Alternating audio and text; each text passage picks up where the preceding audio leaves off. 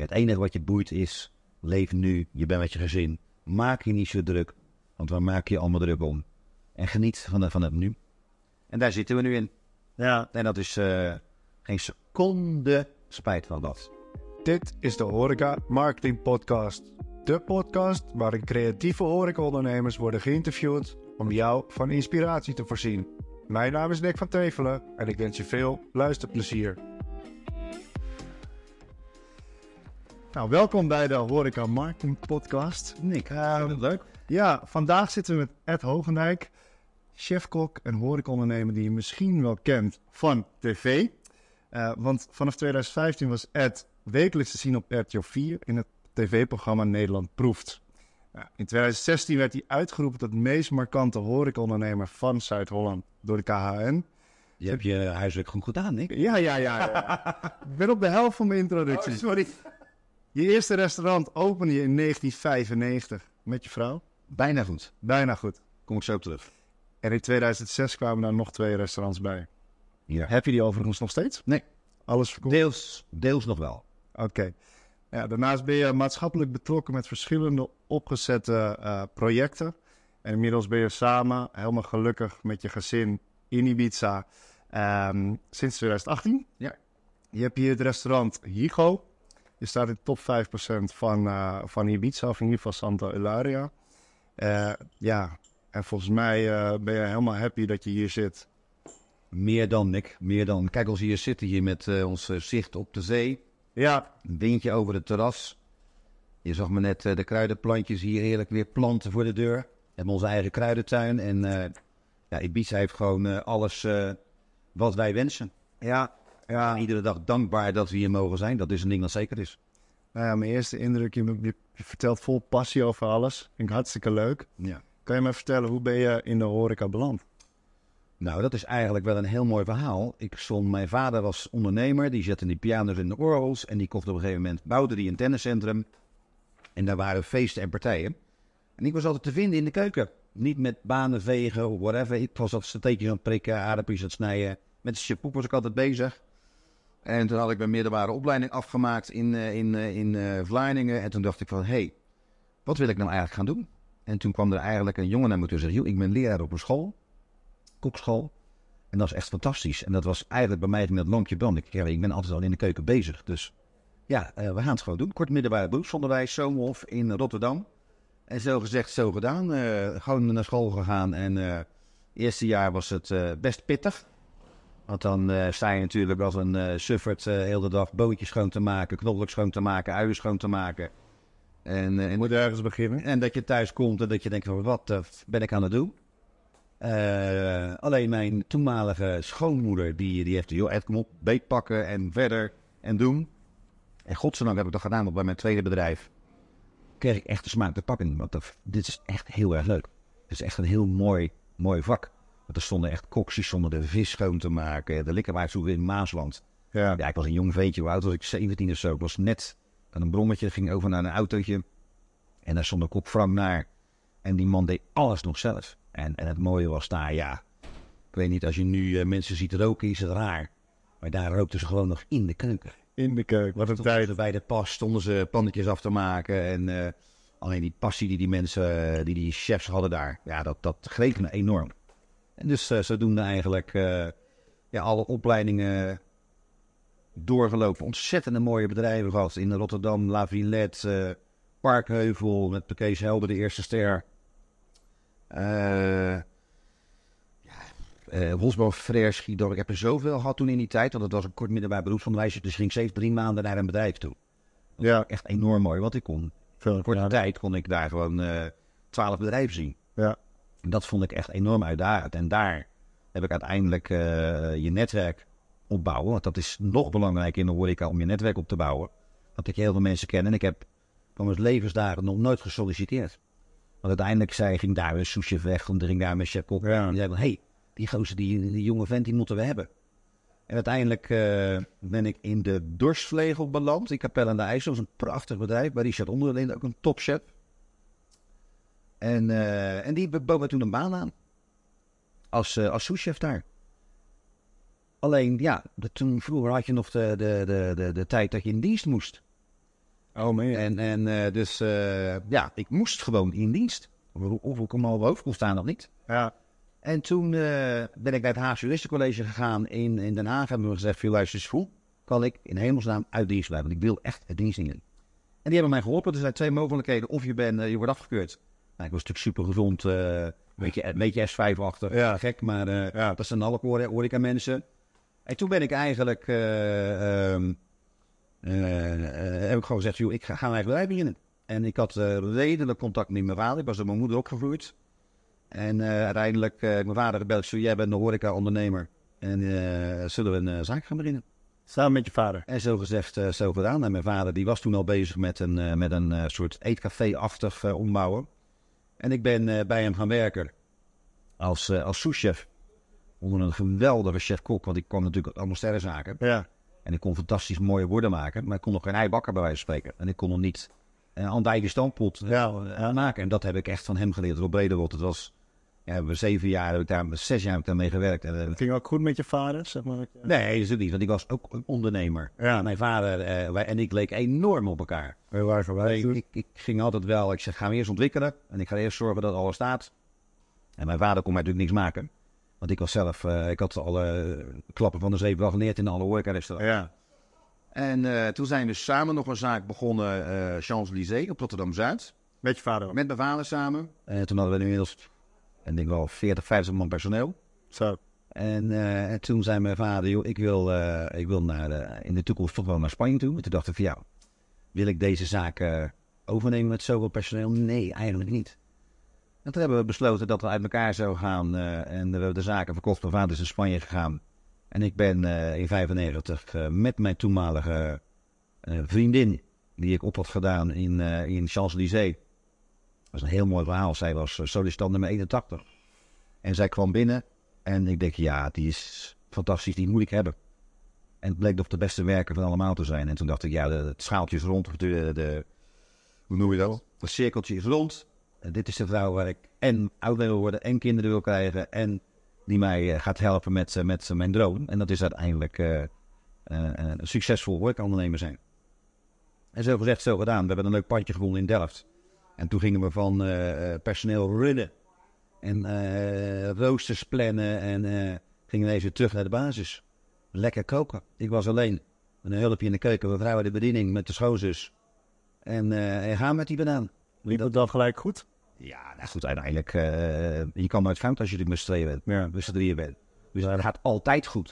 Ik bedoel, als wij drie, drie, vier tafeltjes aan vanavond hadden, was het al goed Ja. in die periode.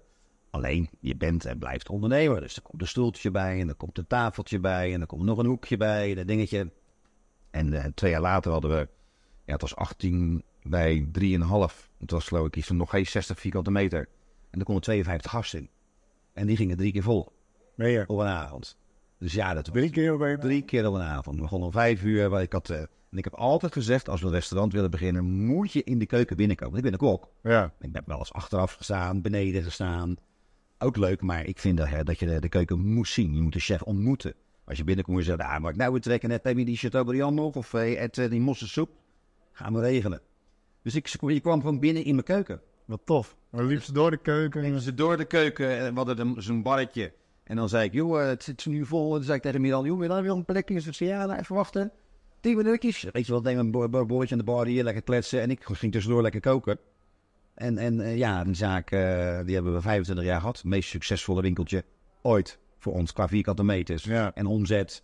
En, en vooral lol. Maar 25 jaar en in die tussentijd heb je samen met je vrouw dus nog twee restaurants geopend. Zeker, want eh, de buurman is wel één keer te koop. En die kwam erbij. En toen dacht ik van ja, wacht eventjes, dat is wel leuk. Maar we gaan niet de pijpelen uitbreiden, want het is onmogelijk. Want een pijpplaatje is een pijpplaatje, dat kan je niet veranderen.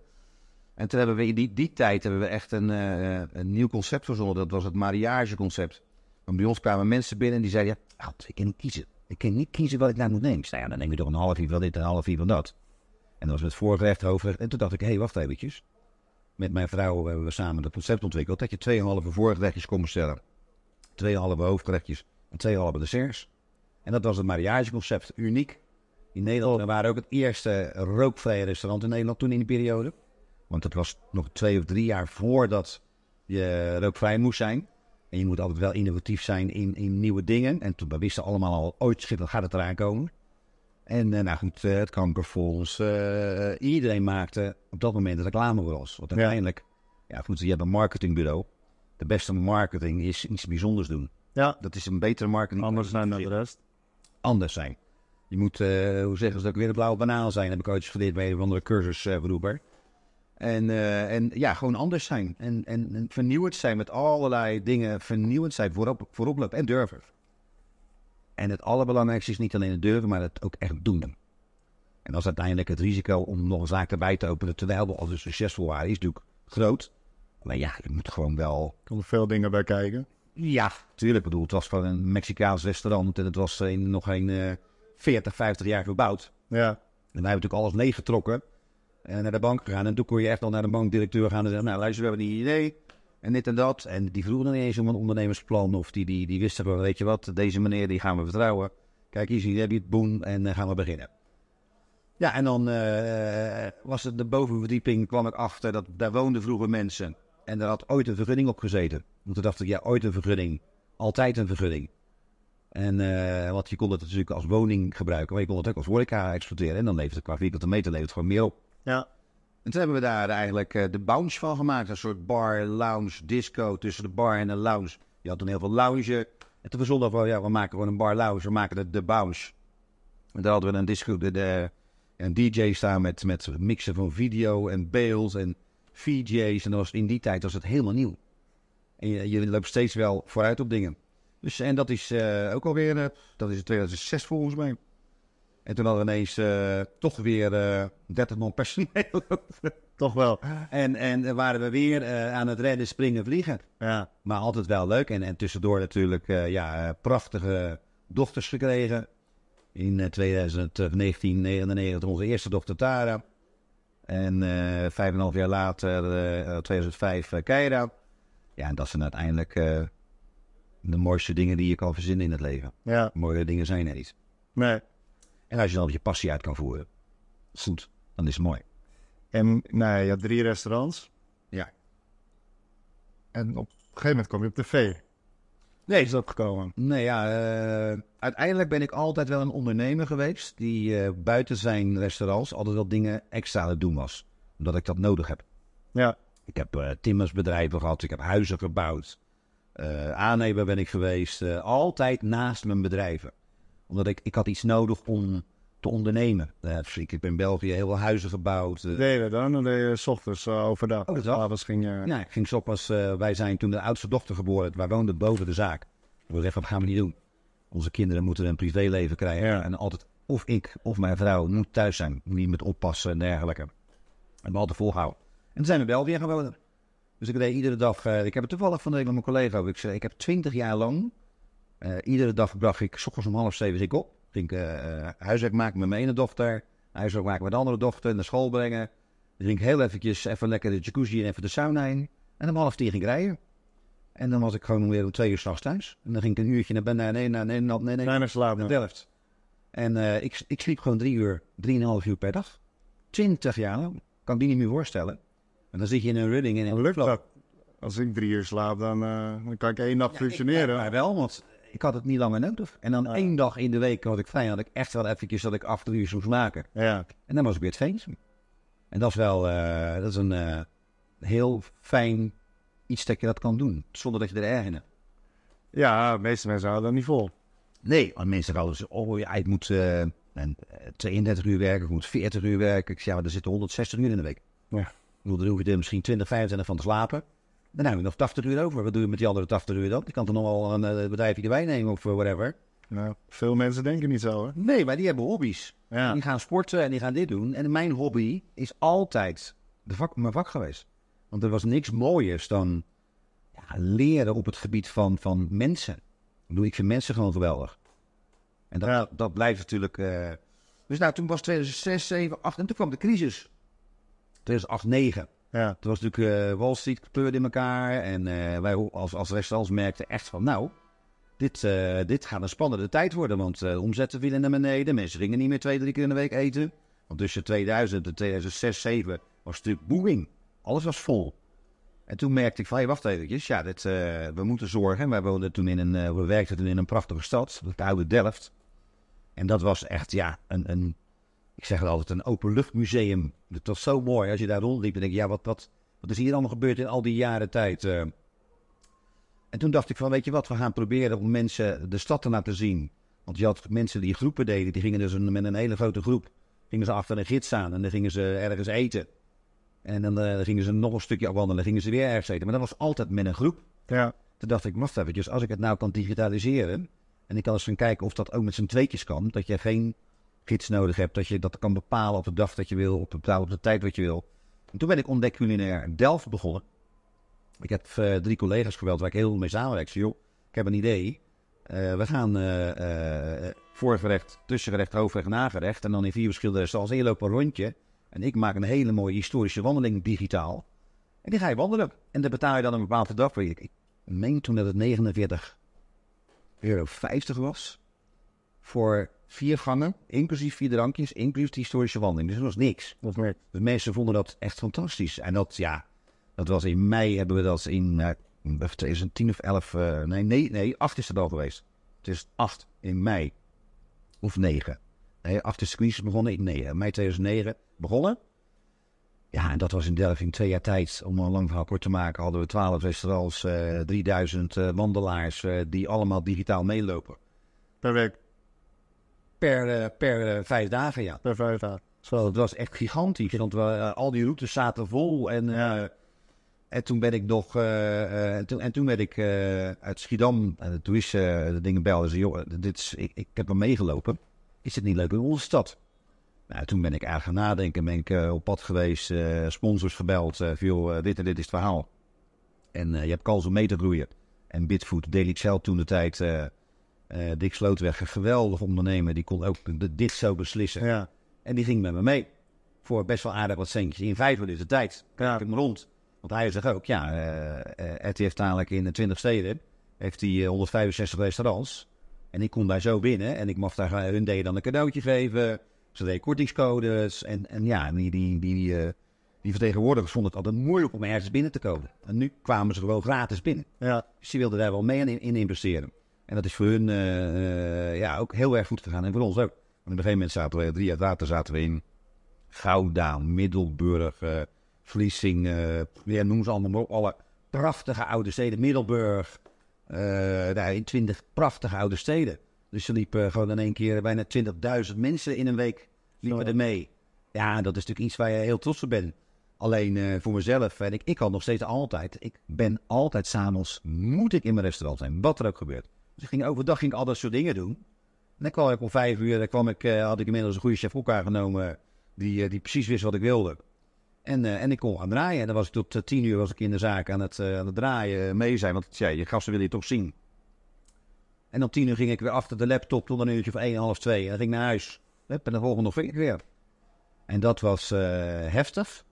Want ik was ook nog voorzitter van Koninklijke Horeca Nederland in, in Delft. En alleen, ja, ik vond het leuk. Iets van elkaar krijgen. Ook ondernemers inspireren. Dus, joh, weet je nooit te veel? je kookt, nee, je kookt niet voor jezelf. Je kookt voor je mensen.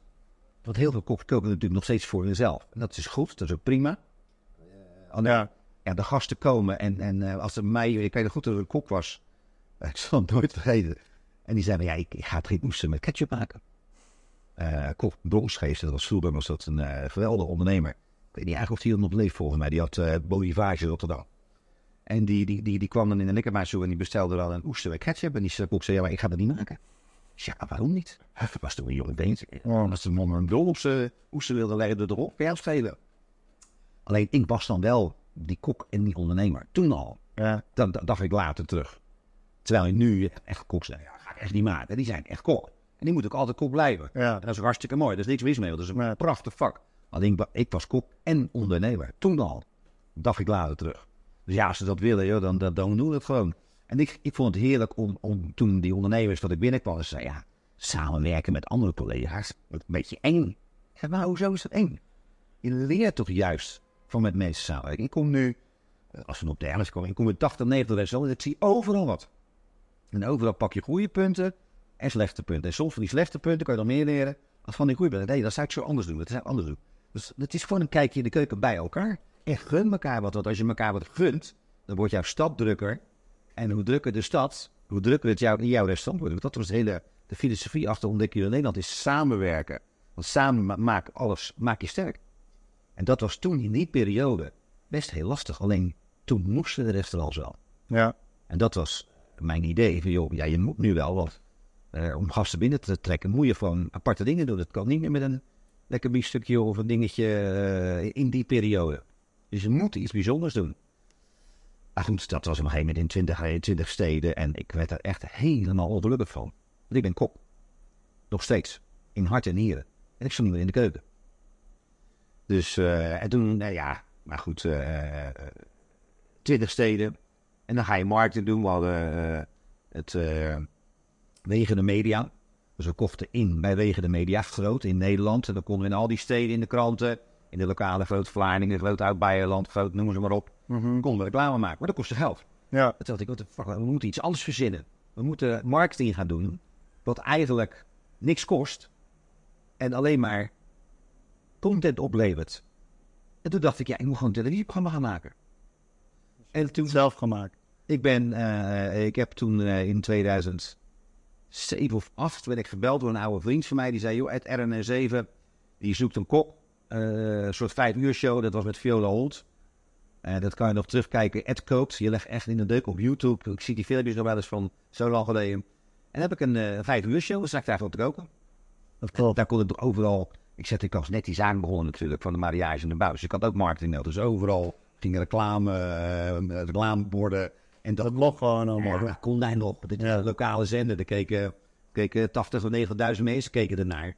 En daar was nog niet, niet zo alles spannend. Hadden ze nog geen code-regels. En eh, dat heb ik een aantal jaar gedaan. En daar leerde ik eh, twee gasten kennen. Die waren toen stagiaires, 17, 18. Sven en, en, en Jim. En, eh, en dat heb ik jarenlang gedaan. Radio, iedere dinsdag op de radio. Bij Edwin Noorland. Hij zit nou ook weer bij een andere, ook een DJ. En deed ik gewoon, ja, dat was kerst, deed ik kerstrecepten. Oud en nieuw deed ik oliebollen, oliebollenrecepten. Dus ik wil altijd wel wat up-to-date wat vertellen. En dat vonden de mensen leuk. En eh, toen heb ik de jongens leren kennen. En dat was toch tijdens ontdekken in Nederland. Toen dacht ik, ja, ik moet een televisieprogramma maken. En toen, vier jaar later, toen was ontdekken in Nederland al redelijk gegroeid. En, en, en toen heb ik ze gebeld. Luister, wat doen jullie tegenwoordig? Hij zei, nou, we hebben net een eigen productiemaatschappij. En ik zei, weet je wat, we gaan een pilot opnemen. En toen hebben we met Ontdekken in Schiedam hebben we een pilot opgenomen met Chimene van Oosterhout en nog een paar bekende Nederlanders, de Dolly Dolls, eh, om een pilot opname te maken. Dat hebben we toen gedaan. En die, die zijn we gaan proberen te verkopen. Alleen, ik bleek dus dat op RTL uitzenden is nog duurder. En daar moet je echt heel veel geld voor meebrengen. Ik zit nu mee van als je 100 euro eh, productiekosten en, eh, en, en hebt en je wil uitgezenden, dan moet je dat eh, maal anderhalf doen. En dan dat moet je aan eh, RTL geven. Dus een ton. Dus 75.000 voor RTL en 25.000 voor productie. Ja. Dus dat was gigantisch. Dus dat heb ik toen niet voor elkaar gekregen. En toen, twee jaar later, toen belden de jongens op, waren ze gegroeid. Hadden ze een, eh het belden, ze het programma wat je toen verzonnen hebt. En dat willen we eigenlijk, eh, ik denk dat we hem rondkrijgen. Qua schoolserie. Oh, wat tof. Uh, vind je het leuk dat we dan gaan doen? We gaan het iets anders laten eten. Geen ontdekken u in Nederland, maar Nederland proeft. En het is met een presentator. En we willen uh, uiteraard dat jij lekker gaat koken. Dus mijn eigen programma hebben we een ongeturnd. En we, van, we zijn al uitgezonden. Wat tof. En we hebben wel echt geweldige sponsor, Von. Een inkooporganisatie van en Fruit. Dat was voor mij wel een voorwaarde. Want ik kon dus altijd met verse producten kopen. Ik hoefde nooit een pakje aan te, nee, nee, nee. aan te bieden of een, uh, met een, af en toe een rooketje en een, een dingetje. Maar ja. uh, ik kon gewoon doen wat ik wilde. En dat hebben we echt vijf seizoenen gedaan. Met Weerste Post was de, was de presentator. En we waren allebei Vlaardingers. Dus ja, we hadden echt een enorme rol. En dan ging ik, s ochtends gingen we naar, weet ik, naar Limburg, de andere keer daarin. In Noorwegen zijn we geweest. Ja, allemaal fantastische snoepreisjes. En ik weet nog goed dat we de eerste keer daar kwamen. En toen zei de regisseur, kijk eens, hier heb je je tekst. Ja, tekst, dat denk je zelf. Je deed alles uit losse post. Nee. Ik kan niet acteren. Het enige wat ik kan, is met passie over mijn wak vertellen. Dus ik ga niet dat voorlezen, dat doe ik gewoon niet. Ik zeg, ze mij nou maar gewoon uh, uh, recept. En uh, geef me dat wat door. En ik ga koken en ik geef een bek en douw. En het is gewoon zelf. En zo gezegd, zo gedaan. En dat, dat was een schot in de. Want we hadden echt, op een gegeven moment hadden we 400.000, 500.000 kijkers. Jeetje. En toen gingen we naar een beter tijdslot. Want die moet je eerst laten zien. Ja. vier uur, zaterdagmiddag, weet ik het wat, op zondagmiddag. En toen ging we even zondagavond half zes.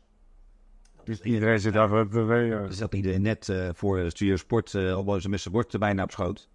En die zat te kijken. Ja. Dus ja, dat was natuurlijk fantastisch. Heeft het veel deuren voor je geopend? Merkte je dat, die bekendheid? Het ontdekken in Nederland kwam je natuurlijk overal. Ik stond natuurlijk in alle kranten door heel Nederland. Ja. Ja, het, het, het, uiteindelijk is het netwerk wat je wat, wat deuren opent. Eh, niet de, de bekendheid van een tv of dat is allemaal maar vergankelijk. Ja. ja. Ik bedoel, eh, het was wel leuk. Mijn vader woonde in Malaga. En de meeste de, de, de doelgroep kijkers was, dacht ik dus, de jonger, maar dat was echt 60, 65. En die zaten natuurlijk al gepensioneerd. Ja. Uiteindelijk te kijken. Dus als, als ik daar sta, die dan. Hey. Dus dat was hartstikke leuk natuurlijk. Ja. Maar het heeft geen deuren geopend qua... Dat is echt een netwerk geweest. Een netwerk wat je constant met Koninklijke Horeca Nederland... met je goede doelenprojecten wat je doet. En dat, dat, dat... Je zit zo dat lek. Dus dat is heel leuk. Wat tof. En in die tussentijd heb je ook verschillende maatschappelijke projecten opgezet. Zeker. Nee, daar is dat. Als voorzitter van Koninklijke Horeca net heel belangrijk om... om eh, ehm, eh, of het nou in de stad zit of eh, er komen mensen bij eten... om iets terug te doen voor de maatschappij. En ik, zal, ik, zal, eh, ik, had, ik had net de zaak begonnen. en Toen kwam er een vrouwtje naar mij toe. En die zei: Ed, mag ik even met je praten? Ik zei: Ja, tuurlijk. Ze zegt: Ik ben de afgelopen tien jaar. heb ik je in de krant bijgehouden. En ik heb al jouw artikelen uitgeknipt. Wat mooi. En, en ja, daar sta je niet bij stil als je gewoon druk bent. En die kwam dus met een heel plakboek. Met allemaal dingen van mij. Is geweldig. Echt fan. Fantastisch. En toen zei ze, ja, ik, ik, ik, ik doe dit omdat ik... Ten eerste vind ik het geweldig wat je doet allemaal. Want voor de stad, en, eh, en nogmaals, als je komt boven het maaiveld uitsteekt, niet iedereen is daar blij mee. Hè? Ook in de stad niet. Er valt het eh, voor en tegens. Alleen ik wist voor mezelf altijd wel van, ik, eh, het gaat voor mij uit een, uit een goed hart. En ik weet dat ik het voor de stad doe en voor de mede-ondernemers. En toen kwam zij en toen zei ze, nou, ik, ik, ben een beetje eenzaam eigenlijk. Want ik, ik, zit, zit thuis en mijn zoon die woont, eh, weet ik het waar. En ik vind het leuk wat je dan doet. En ik word altijd blij als ik je zie. Eh, en ik heb nog, kijk eens, ik heb nog drie vuilniszakken vol met, met, met kranten die ik moet uitknippen. Mag ik dat iedere dinsdag bij jou komen om die te koken? En toen kwam ze in de zaak, heeft ze lekker een bakje koffie en dan ging ze lekker knippen en plakken. Ja. Dus dat meisje was helemaal gelukkig. En daar kreeg ik het licht van, ja, maar hoe komt het dan dat je zo eenzaam bent? En, en nou ja, dus ik durf gewoon niet uit eten te halen, want uit eten is eng. En toen dacht ik, wacht eventjes. Wat als ik nou die mensen kan gaan helpen om die engheid weg te halen? Dat het niet eng is om uit te eten. Dan dat je lekker uit gaat eten. Want ja, hadden, toen, in toen de tijd hadden we 1,8 miljoen eenzame ouderen. Nu is dat echt bijna twee keer zoveel, denk ik. En toen dacht ik, ja, ik ga gewoon een concept ontwikkelen. En, eh, ik had net een mariage. Toen dacht ik, weet je wat, ik ga het op deze week dicht. Dan gooi ik de tent van open. En vroeger was dat eh, een, een soort ontmoetingspunt. Het pand was al 300 jaar restaurant. Een van de oudste restaurants van Delft. En toen dacht ik, ik ga de stamtafel of de, de aanschuiftafel beginnen. Gewoon op dinsdag aanschuiven als je wil. Een dagschoteltje voor 10 of 11 euro. En laat die mensen maar gezellig praten. Ik zet die dagschotel neer. En het werkt al. Ik bedoel, want ik had, de zaak was daarnaast. Dus ik was altijd open. Ik was Ja. alle open. Alleen dat pand stond leeg. Ik wil, ga lekker zitten. En, eh en schuif maar aan. En dat, dat, dat, in het begin geeft dat lekker aan. Maar dat werden allemaal steeds dezelfde mensen. En toen dacht ik weer met mijn marketing af. Ja, wacht even. In, dit is niet wat ik wil. Want ik wil uiteindelijk meer mensen bereiken. En hoe kan je nou meer mensen bereiken? Is door media te halen. Door eh, kranten te halen. Door advertenties te zetten. Ja, nou, die 10 euro, dat gaat niet terugkomen. Nee. Dus dat is onmogelijk. En toen eh, ben ik, eh, werd ik ochtends wakker en ik heb dat altijd in, in de nacht of, of in de auto had ik dat. En dan komen ineens van ideeën binnen. En toen dacht ik van, wacht even, als ik nou gewoon weer op een of andere manier die hier een vrijwilligers of een maatschappelijk project van maak, want hier verdien ik toch niks aan. Maar het is heel mooi, want al die mensen zijn blij. Ik word er blij van. Dus laten we eens kijken wat het voor elkaar. Dan heb ik eh, allemaal stichting Diva, de stichting, weet ik, allemaal uh, ouderenzorg. Ben ik gaan bellen. Ik zei, joh, hebben jullie zin om bij elkaar aan de tafel te komen? En dat is weer het netwerk. Als je al voorzitter van Koninklijke Nederland bent, Ja. dan werkt dat een stuk makkelijker. Dus, eh Hallo. dag dames. We zitten in een podcast, dus we gaan gewoon lekker verder. Ja, Geen probleem. je staat erop nu. Dus eh, en toen dacht ik van ja, weet je wat, dit, moet ik anders aanpakken. En toen ben ik gewoon de stichtingen gaan bellen en, eh, en eh, we zijn met elkaar gekomen. En ik zeg, zouden jullie ook willen nadenken of je misschien een vrijwilliger deed? En toen kwamen ze gelijk met Ina aanlopen. In, in datzelfde eerste gesprek. En, en eh, toen, zat ik te vertellen, nou, eh, jullie kennen een aantal mensen, dit is het verhaal. En eh, nou, Ina was toevallig, die maakte allemaal hapjes voor iedereen en gezellig. Die vond het heerlijk om met mensen om te gaan. En ik zeg, maar dit is het concept en het moet een vrijwilliger gaan dragen. Want dat vind ik leuk. En toen zei Ina, nou, ik vind het wel leuk eh, dat ik het ga dragen. Ik zei, nou, hartstikke leuk. Dan zorg ik voor alle restaurants. En, eh, en jij zorgt voor de mensen. En het idee was dus dat mensen altijd bij Ina reserveren. En Ina nam ze iedere eerste dinsdag van de maand mee naar een ander restaurant. Maar wel met dezelfde placemessages, dezelfde bloemetjes. Ja. Dat, de mensen het niet eng vonden. Ja. Dus ze kwamen altijd wel bij Ina. En ze hoefden nooit bij het restaurant te reserveren. En ze hoefden bij Ina te betalen. Ina was de gastvrouw, dus het was helemaal niet eng meer. Nee. Dus we hebben alle engheid weggehaald. Ja, en dat bleek een enorm schot in de roos. Want ja, mensen vonden het fantastisch. Het is helemaal niet eng. We bellen Ina eventjes op. Dan beperkte grootte is dat toch? Want Ina niet, die kan niet met haar moeder tegelijk. Uiteindelijk hadden wij natuurlijk op de achtergrond zorgde ik voor een eh, heel plan voor de onder- horeca-ondernemer. Nou, zo werkt het. Ze komt binnen, jij zorgt voor dit. Maximaal 40 gasten. Eh, is het restaurant die klein, doen we er maximaal 30. En jij doet voor dit. Want uiteindelijk Ina deed alleen hallo en dag zeggen. Ja. En ik zorgde met een conceptboek op de achtergrond van... Zo moet je doen, dit moet je ontvangsten. Eh, je geeft een voorgerecht, je geeft je weg. Want deze mensen is een doelgroep die met hun kinderen kan komen eten. Dus geef als restaurant dat weg. Ja. Doe enorm je best. Want dat, dat was de achtergrond natuurlijk. was ook reclame voor het restaurant. Ja. Dus het, het, het mes is niet, zijn er niet aan twee kanten, wel aan drie of vier kanten. Dus iedereen werd er blij van. Als ondernemer werd er gelukkig van. Mensen kwamen een nieuwe doelgroepen kwamen binnen, die waarschijnlijk weer met andere mensen terugkomen. Dus voor iedereen was het een plus plus. En voor mij was het gewoon geweldig om, ja, op een gegeven moment na drie, vier jaar hadden we al 1500 mensen uit een isolement gehaald. Oh.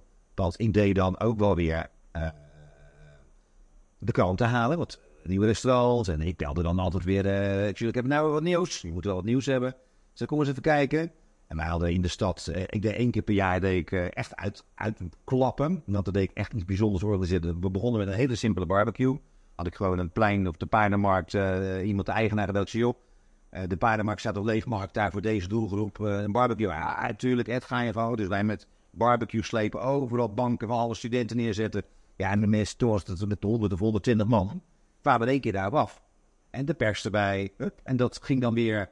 Ja, deze mensen gingen dan weer een jaar in al die restaurants eten. En dan in ieder jaar verzon ik wel weer iets. Ja. We hadden bijvoorbeeld een Delft Chamber Music Festival. En dat kostte best wel veel centjes. Iets van 65 euro per kaartje. Dan konden die mensen of niet betalen, of ze wilden niet betalen. Nou, dan ging ik weer, joh, welke dag spelen jullie niet?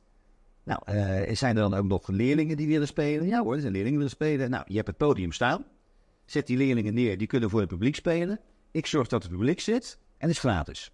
En ik zorg er dan voor eten erbij. Nou, daar zaten die mensen in het, in het prachtige in het museum, het Prinshof. eh, voor eh, 12,50 euro naar een geweldig concert te luisteren. En, en zo deden we dat met allerlei soorten verschillende organisaties. Want iedereen wil meewerken, ja. Want dan halen ze de kranten en dan laat je je zien aan je positieve kant.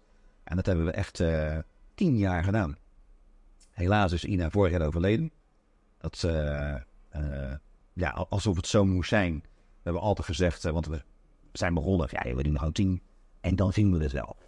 Ja, de 20 en 30. En toen doen we bij 50. Dat is de 50 keer. Als we echt op 100 zitten, dan nokken we ermee. Want dan moet het leuk geweest zijn. Ja. En toevallig werd Ina in de 97 of de 95 werd ze ziek. En, en ze heeft er niet één gemist. Want zij heeft kanker gehad. eh, Heel veel operaties gehad. En dan ging ze de operatie op de, eh, de woensdag na de dinsdag doen. Zodat ze drie weken de tijd had om te recoveren. En dan was ze er weer. Ja, Oh, een enorm inspirerende, boeiende vrouw. En we hebben het ook uit eten met Ina genoemd. Want ze zat daar. Ja, dan noemen we het gewoon uit eten met Ina. Heel simpel. Ah, dat was... Ik denk dat dat... Het heeft eh, eh, 0 euro opgeleverd. Eh, sterker nog, het heeft geld gekost. Maar het was het allerbeste, mooiste, interessantste ding wat ik ooit in mijn leven mogen doen. Die mensen blij maken. Die gezichten van... En het gevoel Dan krijg je heel veel energie. ja, dat is ongelooflijk. Na Ina de overleden, over, overlijden heb ik echt nog... En ik ben natuurlijk... Toen zat ik al in Ibiza naar... en ik wilde dit doorzetten. Ik vond het zonde om te doen. Ja. En ik kreeg het gewoon financieel niet voor elkaar bij gemeentes. Of eh, er was altijd wel iets of een potje of dit. Of, Ja. Ja. Ja. En dat mensen dit niet op hebben gepakt vind ik nog steeds schandalig. Alleen het is wat het is. Ja. Moet je loslaten. Ja. Het is, we wilden een stichting oprichten dat alles doorging voor die mensen. Die mensen hebben nu in principe weer niks. Ja. En dat is best wel... eh, eh, ja, kun- Ook niet bij Fons, het oudere Fonds. Iets. overal geweest. Dan zetten we weer regeltjes aan, dan zetten we weer regeltjes aan. En ik, ik zeg, ja, ik wil overkomen, maar eh, die lucht moet betaald worden. Hoe, hoe, hoe dan ook. Ik bedoel, eh, ik, ga geen... Vroeger had ik restaurants en dan kon ik mijn kosten dekken. Ja. Ik heb, ik heb nu niks meer. Ik bedoel, we hebben in het leven heel veel dingen meegemaakt. Eh, en, en we leven nu met de DAF. Alleen ik heb geen, eh, geen massa's centjes meer. sterker nog, we moeten ook lekker buffelen worden. Hebben we de centjes. Alleen dat maakt niet uit. Nee. We leven iedere dag. Nu. We leven nu. En dat is mooi. Je bent uiteindelijk naar Ibiza gegaan. Waarom heb je die eh, keus gemaakt? Ehm, dat is een privé-aangelegenheid. Dat was echt uit verdriet. Ja. Ik stond een paar keer op de begraafplaats in een maand. En toen dacht ik van, wat de fuck ben ik aan het doen? En mijn vrouw wilde al heel graag. En ik had nog een zieke vader. En die woonde ook in de buurt. En ik denk, ja, eh, we gaan gewoon. En toen zijn we, het kon niet. We hadden drie restaurants. Heel veel dingen. Kon niet. Maar het kan altijd. En we hebben tegen de dames gezegd van we gaan een try-out doen. Die waren toen 12 en 17. En, eh, en na een half jaar gaan we bepalen. Als een van de vier zegt het wordt hem niet. Dan wordt het hem niet. We moeten een oplossing vinden. En gelukkig vonden ze het allemaal leuk. En dat is nu alweer, nou, iets, het is het eh, vijf jaar geleden. Ruim. En je hebt toen alles verkocht in Nederland? Met de tijd. Ja. Was het verdriet verwerkt hier. En, en veel bij de familie geweest. Dat vond ik het eigenlijk allerbelangrijkste. En dan, na, nadat het gebeurd is, eh, interesseert dat zakelijk echt werkelijk je helemaal niet meer. Want dan gaat er zoveel door je lijf heen. Dan kan het allemaal niet boeien. Want ik had al eh, hele, hele dingen meegemaakt in Nederland met brand en met eh, ellende allemaal. Ja. Dus ik had zoveel meegemaakt en, en dan boeit het je echt niet meer. Het enige wat je boeit is, leef nu, je bent met je gezin. Maak je niet zo druk, want waar maak je allemaal druk om? En geniet van, de, van het nu. En daar zitten we nu in. ja. En dat is eh, geen seconde spijt van gehad. Je had eerst een half jaar try-out gedaan hier. Ging je hier dan ook werken? Of Ik heb toen echt alleen, eh, ik heb twee jaar niks gedaan. gewoon niks? Eh, gewoon verdriet verwerkt, Ja. met het gezin veel geweest, wandelingen gedaan. alleen ja, ik ben hier dan en dan, ik ga er ook wel op af, want uiteindelijk word ik ook gelukkig van mensen. Ik werd ook niet gelukkig van het niks doen. Ik ben Nee. een ondernemer. Dus eh, op het Ik zou het zeggen, je ziet overal dingen. het lopen is hartstikke leuk, maar dan zeg ik, hé, dat is een leuk tentje. En dan moet ik even in de gaten houden. Of eh, en dan, dan ga je gewoon ja, mensen leren kennen. En, en eh, weer helemaal op nul beginnen. Want in Delft en omstreken kon ik iedereen, ik hoefde maar dit te doen. En ik had een fantastische nieuwe burgemeester die wilde meewerken. Eh, ik had een eh, wethouder, zakenmeester. Dus het was dit. En ik had op een gegeven moment een Villa Arsenaal voor het. En dit hadden we 80 sponsoren. We hadden ook iets van 2 of 3 ton een project. En dat had ik zo met elkaar hebben we dat dichtgesponsord gekregen. En hier heb je natuurlijk helemaal nul niks. Dus dat vond ik ook weer een uitdaging. Om gewoon weer helemaal van nul af aan te beginnen met nul. En dan gewoon weer opstarten. En toen ben ik een beetje private chefs gaan doen. En, eh, en in Nederland wat projecten natuurlijk toch gedaan. En ik vloog dus natuurlijk nog vrij regelmatig naar Nederland in het begin. Om alles netjes op te lossen. Ja. En, eh en eh, dat mijn vader werd wat minder en minder. En daar kon je bij zijn. En uiteindelijk eh, eh, ja, het leven op Ibiza opgebouwd. En dat is heel fijn. Hoe ben je dan dit restaurant gestart? Ja, dat is allemaal een... eh, In het leven kom je dingen tegen. Als jij natuurlijk moe bent, dan ga je op je bed leggen of op de bank leggen, televisie kijken. Dan gebeurt er niks. Gaat ook nooit wat gebeuren. Maar als je natuurlijk altijd op pad gaat, dan kom je natuurlijk dingen tegen. En dingen komen op je pad. Mensen, ja, dat komt niet op mijn pad. Nee, maar als je binnen gaat zitten, komt het ook niet op je pad. En ik was altijd, ik ging daarheen en ik ging daarheen en ik ging daar even kijken. En daar even in de kroegje kijken en ik even wandelen. Met die kennis ik heel leuk. En, en met iedereen praten. Want dat, dat, daar hou ik van, met mensen praten. Ja, en, en, en, en eh, ook weer met, met vrienden. Eentje had een hotel. En, eh, en, eh, en ik had in Nederland heel veel projecten gedaan met een jongen. Daar kon ik heel veel mee samenwerken. En, en, die belde me een moment op in coronatijd. En zei, Ed, wat ga je doen? Ik zei, ja, eh, geweldig event neerzetten hier. Hij zei, het is op coronatijd, maar hun willen het, ik wil het. En met allemaal entertainment en Vida. Hij zei, Ed, ik ga met je mee. Ik kom nu, ik stap nu op vliegtuig en ik ga je productie doen. Ja, eh, en daardoor hem werd het weer veel beter. Omdat je ja, met samenwerken eh, wordt het... Ik bedoel, ik ben kok. Ik ben een heel ondernemer. En ik ben van draaiboeken. Alleen, ja, als je met mensen samenwerkt, dan wordt een product nog honderd keer beter. Ik zal één ding mooi vertellen. Dat was, dat was in, in Delft nog. Dat heette Villa Arsenaal. En eh, bij ons eh, heb je het Legermuseum. Dat ging dicht. Dat ging naar Soest. Doodzonde, want er kwamen 300.000, 400.000 bezoekers per jaar. Ik denk zelfs nog meer. Alleen daar hadden we geen geld meer voor bij de gemeente, moest gespaard worden. En dat ging dicht. En er ging een hotel in het begin. Ja, als nou weer een luxe hotel in komt, ik wil nog één keer aan de mensen laten zien hoe het museum eruit ziet. Maar dan echt ook plekjes komen waar je nog nooit bent geweest. Dat hebben we eigenlijk een concept van staan. Ik naar iedere, iedere kamer uh, maken een verhaal van het jaar 0 tot het jaar 2500. We hebben natuurlijk techniek, uh, Delft, VOC. Uh, Delft heeft heel veel. Dus we gaan gewoon een verhaallijn maken. En in elke kamer zetten we een, hapje en een lampje erbij. Nou, toen ben ik met, met Antoinette in, in aanraking gekomen. Zij is, vind ik, nog steeds op het gebied van geluid, licht en, en al dat soort dingen, verhaal, storytelling, het, het beste in Nederland. Zij doet Noordse Jazz Festival, de, al, al 30 jaar geloof ik, de belichting. Ja, en met haar hebben we weer een project neergezet wat duizend keer beter is geworden dan ik ooit in mijn gedachten had gedacht. Want zij maakte niet een, lampje, nee, zij kwam met hele vrachtwagens, ja. verlichting en, en uh, er was een virtueel theater en uh, ja, alle, alle, al het nieuwste op het gebied van licht, geluid en techniek, dat, dat was daar. Nou, en dat, dat is uiteindelijk samenwerking. En als je open staat voor samenwerken, dat je luistert naar anderen. En dat je natuurlijk dan een andere gedachten kan hebben, maar dat je gewoon open staat van, nou wacht, maar, daar ik misschien wel van leren. En dat vind ik het mooie met samenwerken. Dat je, dat je altijd weer leert in hetgeen wat je doet. En dat vind ik gewoon uh, uniek. En dat was in Ibiza, deed ik eigenlijk precies hetzelfde. Ik ging gewoon naar mensen toe en dacht, hé, hey, leuk hotel. Dan heb je gezegd, hey, fantastisch. Wat doe je dan in de winter? Ja, reizen en uh, daar komt er niemand. En, uh. Dus ja, maar wij lopen al jaren te zeggen dat Ibiza in de winter het mooiste is. Dus laten we gewoon een winterhotel beginnen. Laten we zien hoe leuk het is. En dan laten we die prijzen zakken, want die kamers staan toch leeg. En nou ja, uh, eerste jaar moest hij, hij een beetje spannend lopen. Ja, want ik heb dit, ik bedoel dat. Nou ja, dat is niet leuk, vind het ook goed. En toen kwam hij dat jaar daarna, kwam hij uh, ergens in de zomer. Ik geloof dat hij deze jaar is volgens mij wel een heel goed idee. En dan zijn we gewoon begonnen. We zijn het Windhotel begonnen. Uh, ik, ik, kwam er dus achter dat hier geen Sinterklaas intocht was.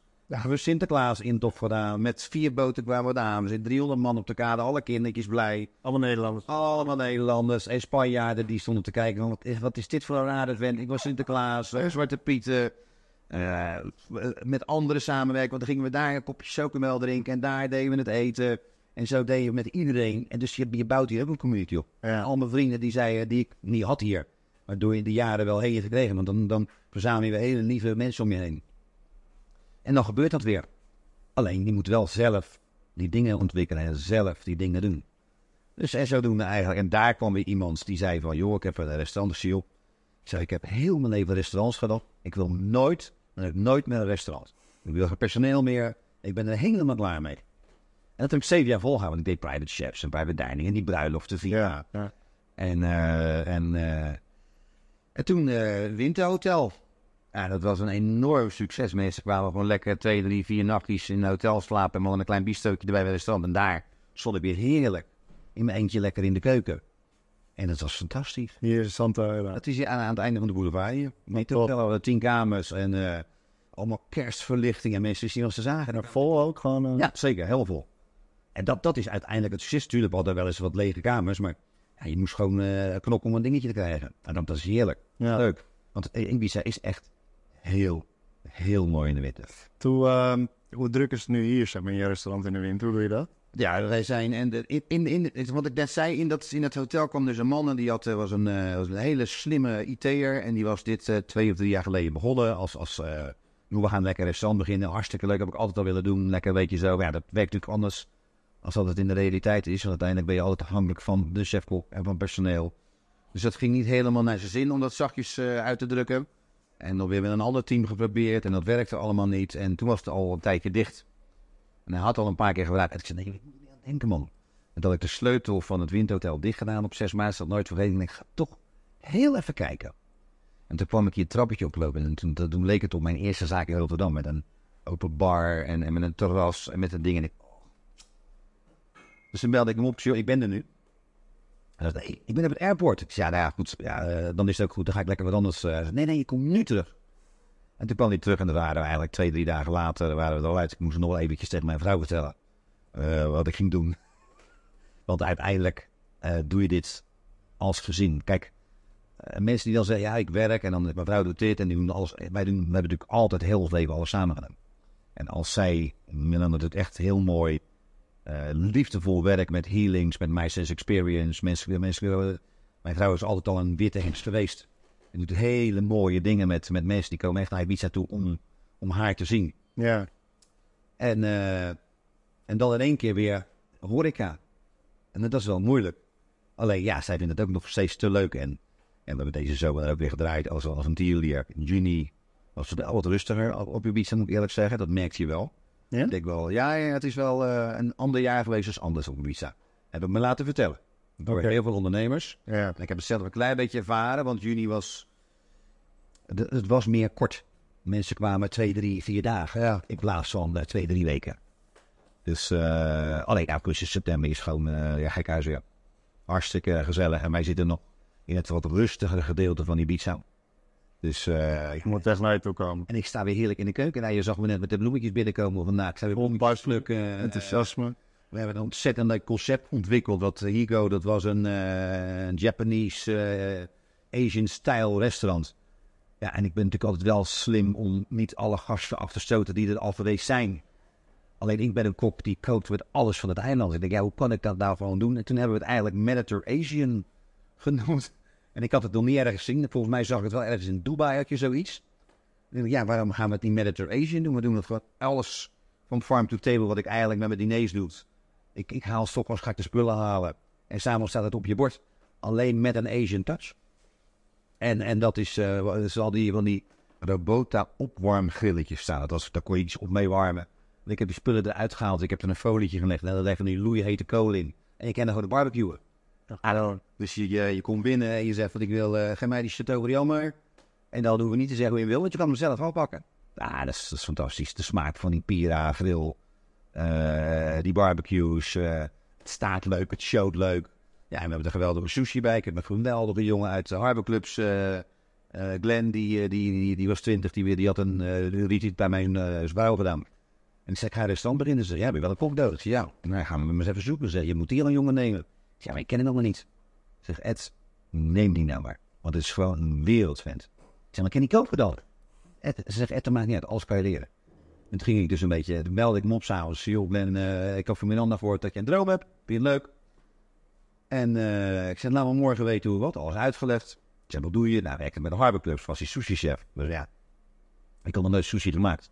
Ik denk, nou, 1 1 is 3. Ja. Laat, eh, laat hem lekker de Aziatische kant doen en ik doe het lekker. en, en ja, ik, sta met een veentje van 20 in de keuken, ik leer iedere dag.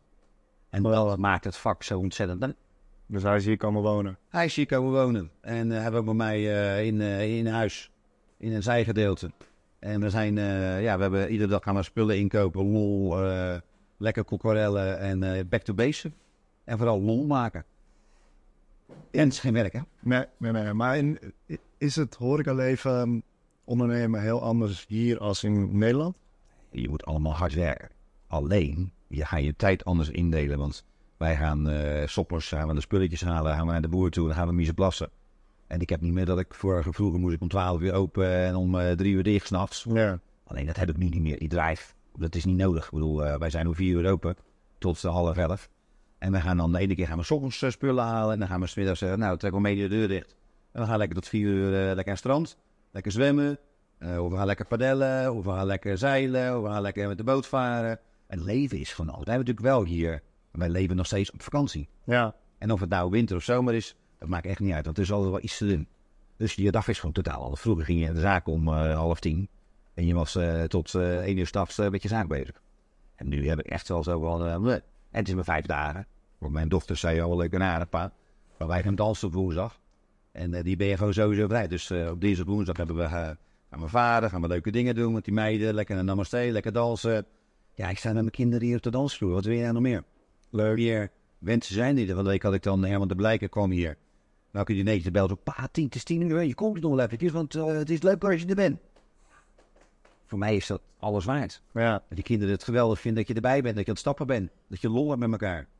Dat is volgens mij waar het leven om draait. En daar ben ik wel eh, niet in veranderd. Want ik heb altijd al enorm veel om die meiden gegeven. Alleen eh, om jouw vraag te beantwoorden, dat leven in Ibiza is echt wel anders. Want als je tegen mij zegt, wat doe je eh, volgende maand? Flauw idee en ik maakt me ook helemaal niet uit. Heb je dan, kijk, de horeca in Nederland spelen wat problemen, hoge energierekeningen, inkoopprijs stijgt. Ik, er gaan nog echt 30% van de horecaondernemers gaat daarmee kappen de komende jaar. Ze gaan nu al de belasting moeten betalen. Corona moet er ook betaald worden. Onmogelijk. Het is gewoon niet mogelijk. Ja. Maar heb je dit, speelt dat hier ook? Nee. Nee. Hier had je in principe hadden ze geen eh, vangnet zoals in Nederland. Dan Nee. kreeg je gewoon niks. En je kreeg een uitkering en dat was het. Daar moet je mee doen. Dus die be- terugbetalingen zijn er ook niet. Nee. En, en hier hebben ze gewoon met, met, met vastgoed, ondernemers. Ja, als er geen geld binnen komt, komt er geen geld binnen. En in Nederland zei de huurbaar, ja, maar je moet ook eh, huur betalen. Ja, Van de huur betalen is geen inkomsten. Kijk, ja, maar dat is jouw probleem. En zo werkt het dus niet. Ik bedoel, ga je maar naar ouderopvang. eh als jij je oud bent, dan zorgen de kinderen voor je. Je zorgt voor elkaar. ja. Dat is in Spanje echt totaal compleet anders dan in Nederland. En dat gaat, dat gaat nu, eh, er gaat echt nog heel veel gebeuren in Nederland. En dat is echt, eh, mensen moeten dingen terugbetalen die ze helemaal niet kunnen terugbetalen. Dan moeten ze, je kan onmogelijk je prijs doorberekenen naar je gast. Dat is gewoon onmogelijk. Dat stijgt al, alles stijgt al. Alle dat gaat niet, want dan komt er eens niet meer. Dus dat is het het moeilijke met horeca. Horeca is echt een vak waar je een passie voor moet hebben. Eh, waar je absoluut nooit rijk mee wordt. Dat is echt onmogelijk. Eh, alleen die, die, he- die hele grote concepten. Ik zie die grote concepten voorbij komen. Allemaal Loetje, Pavarotti. Fantastisch. Geen geld verdiend. Dat is echt onmogelijk. Omdat het personeel kost zoveel geld. Maar waar hun dadelijk geld mee verdienen is Massa. massa groter maken. En dat een investeringsfonds zegt, die moeten we hebben. Wat bij Loetje gebeurd is. En dat dadelijk Staan ook op nummer 1 geloof ik, meeste omzet. Ja, omzet zegt niks. Nee, dat klopt. Het zegt helemaal niks. Maar die investeringsmaatschappij die kopen omzet. Dat snap ik. Kijk eens, we hebben een omzet. Eh, nee, dat, gaat, dat kan niet gaan. Wat is, ehm, nou je hebt een jaar, eh, lange carrière. Wat is nou, als een horecaondernemer... Welke carrière voor me, zeg je nog. Doe het. Ook. Hele relaxte carrière. Zeker, zeker, zeker. Wat is nou in jouw ogen, wat moet een horecaondernemer nou doen om succesvol te zijn? Dit wordt zo vaak eh, genoemd. Dat is passie en altijd vooruitdenken. Altijd vooruitdenken. En dat heb je niet altijd. De een heeft het wel en de ander heeft het niet. Ik bedoel, je moet, als, als er dingen gebeuren en eh, je constateert dingen, je moet altijd een radartje, ik heb altijd een radartje achter in mijn hoofd openstaan. Ehm, om een voorbeeld te geven, even denken. Ik ben ergens en dan gebeurt daar iets en dan zie ik dat en dan sla ik hem op automatisch. Ik kan er niks aan doen. Hetzelfde is dat ik altijd positief ben, altijd vrolijk ben. Ik kan er echt niks aan doen. Mensen zeggen, ja, jij lacht altijd. Ja, ik kan er ook niks aan doen, maar het is wel heerlijk om te lachen, toch? Ja, Natuurlijk, ik heb ook zat dingen meegemaakt waar ik verdrietig door kan zijn. Alleen ja, dat moet mij niet weerhouden om morgen weer te lachen. Want uiteindelijk, eh, van lachen eh, word je heel oud. En ik wil heel oud worden. Ik wil mijn gezin op zich groeien. En ik wil mijn kinderen kinderen zien krijgen. En dus ik wil heel... Alleen ik wil daar wel leuke dingen voor blijven doen. En ik verzin altijd wel weer leuke dingen. En eh, dat gaat hier in Ibiza ook gebeuren. We hebben een, een bruiloft organiseren. Dat hadden de mensen nog niet gezien. Dat was, we hadden 180, 190 gasten. En ik had 125 man personeel overal vandaan betrokken. Met artiesten, jaren 20, eh, thema. We hebben de bruidsjurken, bruidsschoenen, geluid. We hebben alles gedaan. Dat is, is een project geweest. Dat zijn dromen. Eh, uiteindelijk moet je al je dromen waarmaken. Ik had heel veel dromen. Een eigen huis bouwen. eh, het concept neerzetten eh, dat, dat Nederland eh, groot maakte. Ik wilde ooit op televisie koken. Eh, ik heb alles gewoon waargemaakt wat ik wilde. En ik heb nog zat eh, leuke dingen die ik denk, nou, die zou ik nog wel willen doen. Of dat wil ik nog wel doen. Of eh, daar wil ik nog wel naar kijken. Eh, en die ga ik ook waarmaken. En is dat volgende week of volgende maand of volgend jaar? Geen flauw idee, maak me niet meer druk om. We leven nu. En ik wil echt, eh, ik, ik ga nog een keer naar eh, mijn, mijn, mijn kennis op het, eh, het, oosten, het, het oosten qua koken is nog niet zo groot. Dus ik wil gewoon nog door Thailand, Vietnam reizen, alle kruiden, alle... En gewoon gaan koken daar. Dat, dat is zo'n droom die ik heb. En eh, gewoon met een, een, een cameraatje en dan mensen inspireren. Niet, niet op televisie, maar gewoon op YouTube. Of gewoon reizen en, en, en, en voelen en proeven en, en mensen inspireren om lekker te kopen. Dat is uiteindelijk leuk. Ja. Dat inspireert want dat, dat was met Nederland proeft. Kregen we echt ontzettend veel reacties. Oh, wat leuk dat je dat zo maakt. En is het koken toch eigenlijk simpel, hè? Eh, gisteren was een regisseur er en die is super handig. Toen was het wel beetje kapot. Hij zei, nou, maak wel even. Ik zei, nou, dat is handig. Hij zei, ja, maar jij bent handig in de keuken. Dat, dat ken ik echt niet. En zo zie je het niet. ja, Want het is voor mij normaal. En voor ons maken we up, we gaan dit maken, we, we, we gaan na- we hebben dat gekookt. Nou, dan gaan we dat maken. En eh, heb je daar dus, ik heb nog nooit een recept eh, gebruikt. Alleen je gaat gewoon vanuit je passie en je liefde en plezier en je kennis die je opgedaan hebt, ga je aan de slag. En dat is uiteindelijk wat, eh wat hoor ik aan ondernemers moeten hebben, vooruitkijken. Om terug te komen op je vraag, vooruitkijken. En altijd een radar in je achterhoofd opslaan. En doen. Gewoon doen. Alles wat je ook gaan doen. Ik heb dingen voor elkaar gekregen dat iedereen zei, ja, dat je dat gedaan hebt. Ja, maar als ik had nagedacht dat dit zoveel geld kostte, maar dan had ik het nooit gedaan. Want je doet het uit plezier. Hetzelfde als Villa Nationaal, ja, een paar lampjes neerzetten. Uiteindelijk was het project van die al vier ton. Ja, dat denk ik van tevoren, nou, ik heb het nooit gedaan. Nee. Gewoon doen. Gewoon je deel volgen en van doen. En niet bang zijn. Hij zegt maar dat je met de dag leeft eigenlijk hier. Heb je, nog steeds. heb je een idee waar je over vijf of tien jaar... eh, Nee, want dat is precies wat ik, wat ik zeg. Eh, ik leef met de dag. Zijn we nog op een, zijn we nog op een beach, dan zijn we, weet ik, ik weet niet. En mij ook niet eens. ja. Maar gezond ben. ja. Belangrijk dat kinderen naar de zin hebben. Dat, dat is het allerbelangrijkste. En dan zie je wel waar je heen gaat. En dat maakt niet uit. En vroeger was ik inderdaad wel van het plannen. We dat geregeld? Hebben we daar nog vastgoed? En hebben we daar nog dit? Kunnen we leven voor later? Fuck it. Bedoel, dat is echt wel onzin. Het is een schijntoekomst die je, die je creëert. Doe maar dit te gebeuren. En je bent alles kwijt. ja. Bedoel, eh, wij kunnen ons niet voorstellen dat je huis onteigend wordt. Hij is in Oekraïne in de oorlog. Hey, uh, alles voorbij en weg. Ja. En wij hebben het met de brand meegemaakt. Goed, weg. Het is allemaal schijntoekomst, schijn... Hoe noemen ze dat? Schijnzekerheden. Die, zijn- die zijn er niet. Je hebt geen zekerheid in het leven. Je kan, ja, morgen kan je met een eh, ongeluk in het leven komen. Dus je moet er gewoon... eh, alles wat je doet, moet je lol maken. Ik kan me niet voorstellen dat mensen zeggen... Gadverdamme, ik moet morgen werken. Ik kan me niet voorstellen. Nee, nee, nee. da- Daarom ben ik ook ondernemer. Ja, Sommige mensen... werken is leuk. Ja. Eh, eh, en of je nou inderdaad eh, schoonmaakster bent, of je, bent, je moet het leuk vinden om met mensen te werken. Zij komt, zij komt overal. Gisteren staat ze weer met Herman de Blijker. Waarom? Omdat het meest keihard werkt, maar ze maakt wel hele leuke dingen mee op het eiland. Ja. En ze is ook uit Nederland gekomen naar, naar Ibiza om te leven. En moeten we hard werken. Zij werkt nog steeds veel te hard. Moet kijken, ze is 49, maar ze werkt nog als een, eh, als een paard van, eh, van 19. Ja. Alleen, ja, ze maakt wel hele leuke dingen mee. Ja. Dat maakt ook niet uit wat je doet. Ik zou er nog steeds schoon te maken. Je maakt sommige mij naar verrotten. En, eh, Als je bij oh, je staat nog steeds af te wassen. Je kan mij dus schelen. Ik heb het naar mijn zin. Uiteindelijk, als je 's ochtends wakker wordt en je denkt, nou, is vandaag weer een mooie dag. Hier, kijk eens naar buiten. Hier. Je moet eigenlijk maar een filmpje maken hoe het er buiten uitziet. Ja, zo zit ik iedere dag. Kom ik hier aan. En, en, en dankbaar. Dankbaar dat ik hier mag zijn. Dat is, eh, dat is uiteindelijk dankbaar dat ik gezond ben. Dankbaar dat we dingen mogen doen. En, eh en gewoon genieten van het leven. Leven nu. Denk Ja. dat dat een mooie, mooie afsluiter is. ja, zeker. Leven nu. Of heb je nog meer vragen? Nee, nee, nee. Ik zit te genieten. Je hebt een heerlijke babbel. Je bent zo enthousiast, eh, relaxed. Yeah. Het klimaat, alles is tof hier. Ik wil jij bijna ook. En het is ook koud, hè? Het regent ook hier, het sneeuwt ook hier, hè? Ja, dat weet ik wel. Ja. Ik. Ja, het is, eh, vorig jaar heeft het even gesneeuwd en dan gaat het ook maar haartje aan. Ja, dat is ook weer leuk.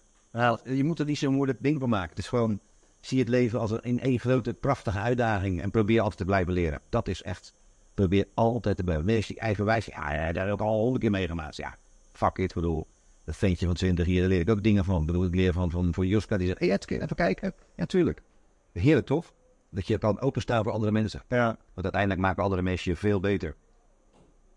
Nou, het- we zijn nu eh, bijna een uur aan het babbelen. Veel te lang. Veel te lang. ik vond het een heerlijk gesprek. Inspirerend. Vol enthousiasme. Ik wil je bedanken. Heel graag. En eh, ik kan alleen maar aan de luisteraars zeggen van... Ben je in Ibiza? Ja. Kom langs. Restaurant Higo. Restaurant Higo, volg het Hogendijk met alles wat ik ga doen. En eh, weet je wel, met mensen zeggen, oh, ik kan de volgende, over drie maanden ben ik weer terug, kan ik er komen eten? Ik zeg, flauw idee. Zie het niet. Volg me maar op Instagram. Ja. Er is altijd wel weer ergens een plekje waar ik kook. Want koken, dat zit eenmaal in mijn bloed. Dus, eh, Ja, dus eh, kom gewoon lekker naar Ibiza. Volg het hogendijk.com. En de rest komt vanzelf. En eh, succes allemaal. Doei. Dankjewel. Doei. Dankjewel, Nick. Super tof dat je hebt geluisterd naar de Horeca Marketing Academy podcast.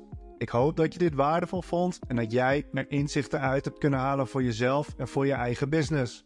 Zou je me plezier willen doen en een review achter willen laten in de podcast app? Dat helpt ons om beter te worden en zo zullen we hopelijk nog meer mensen bereiken.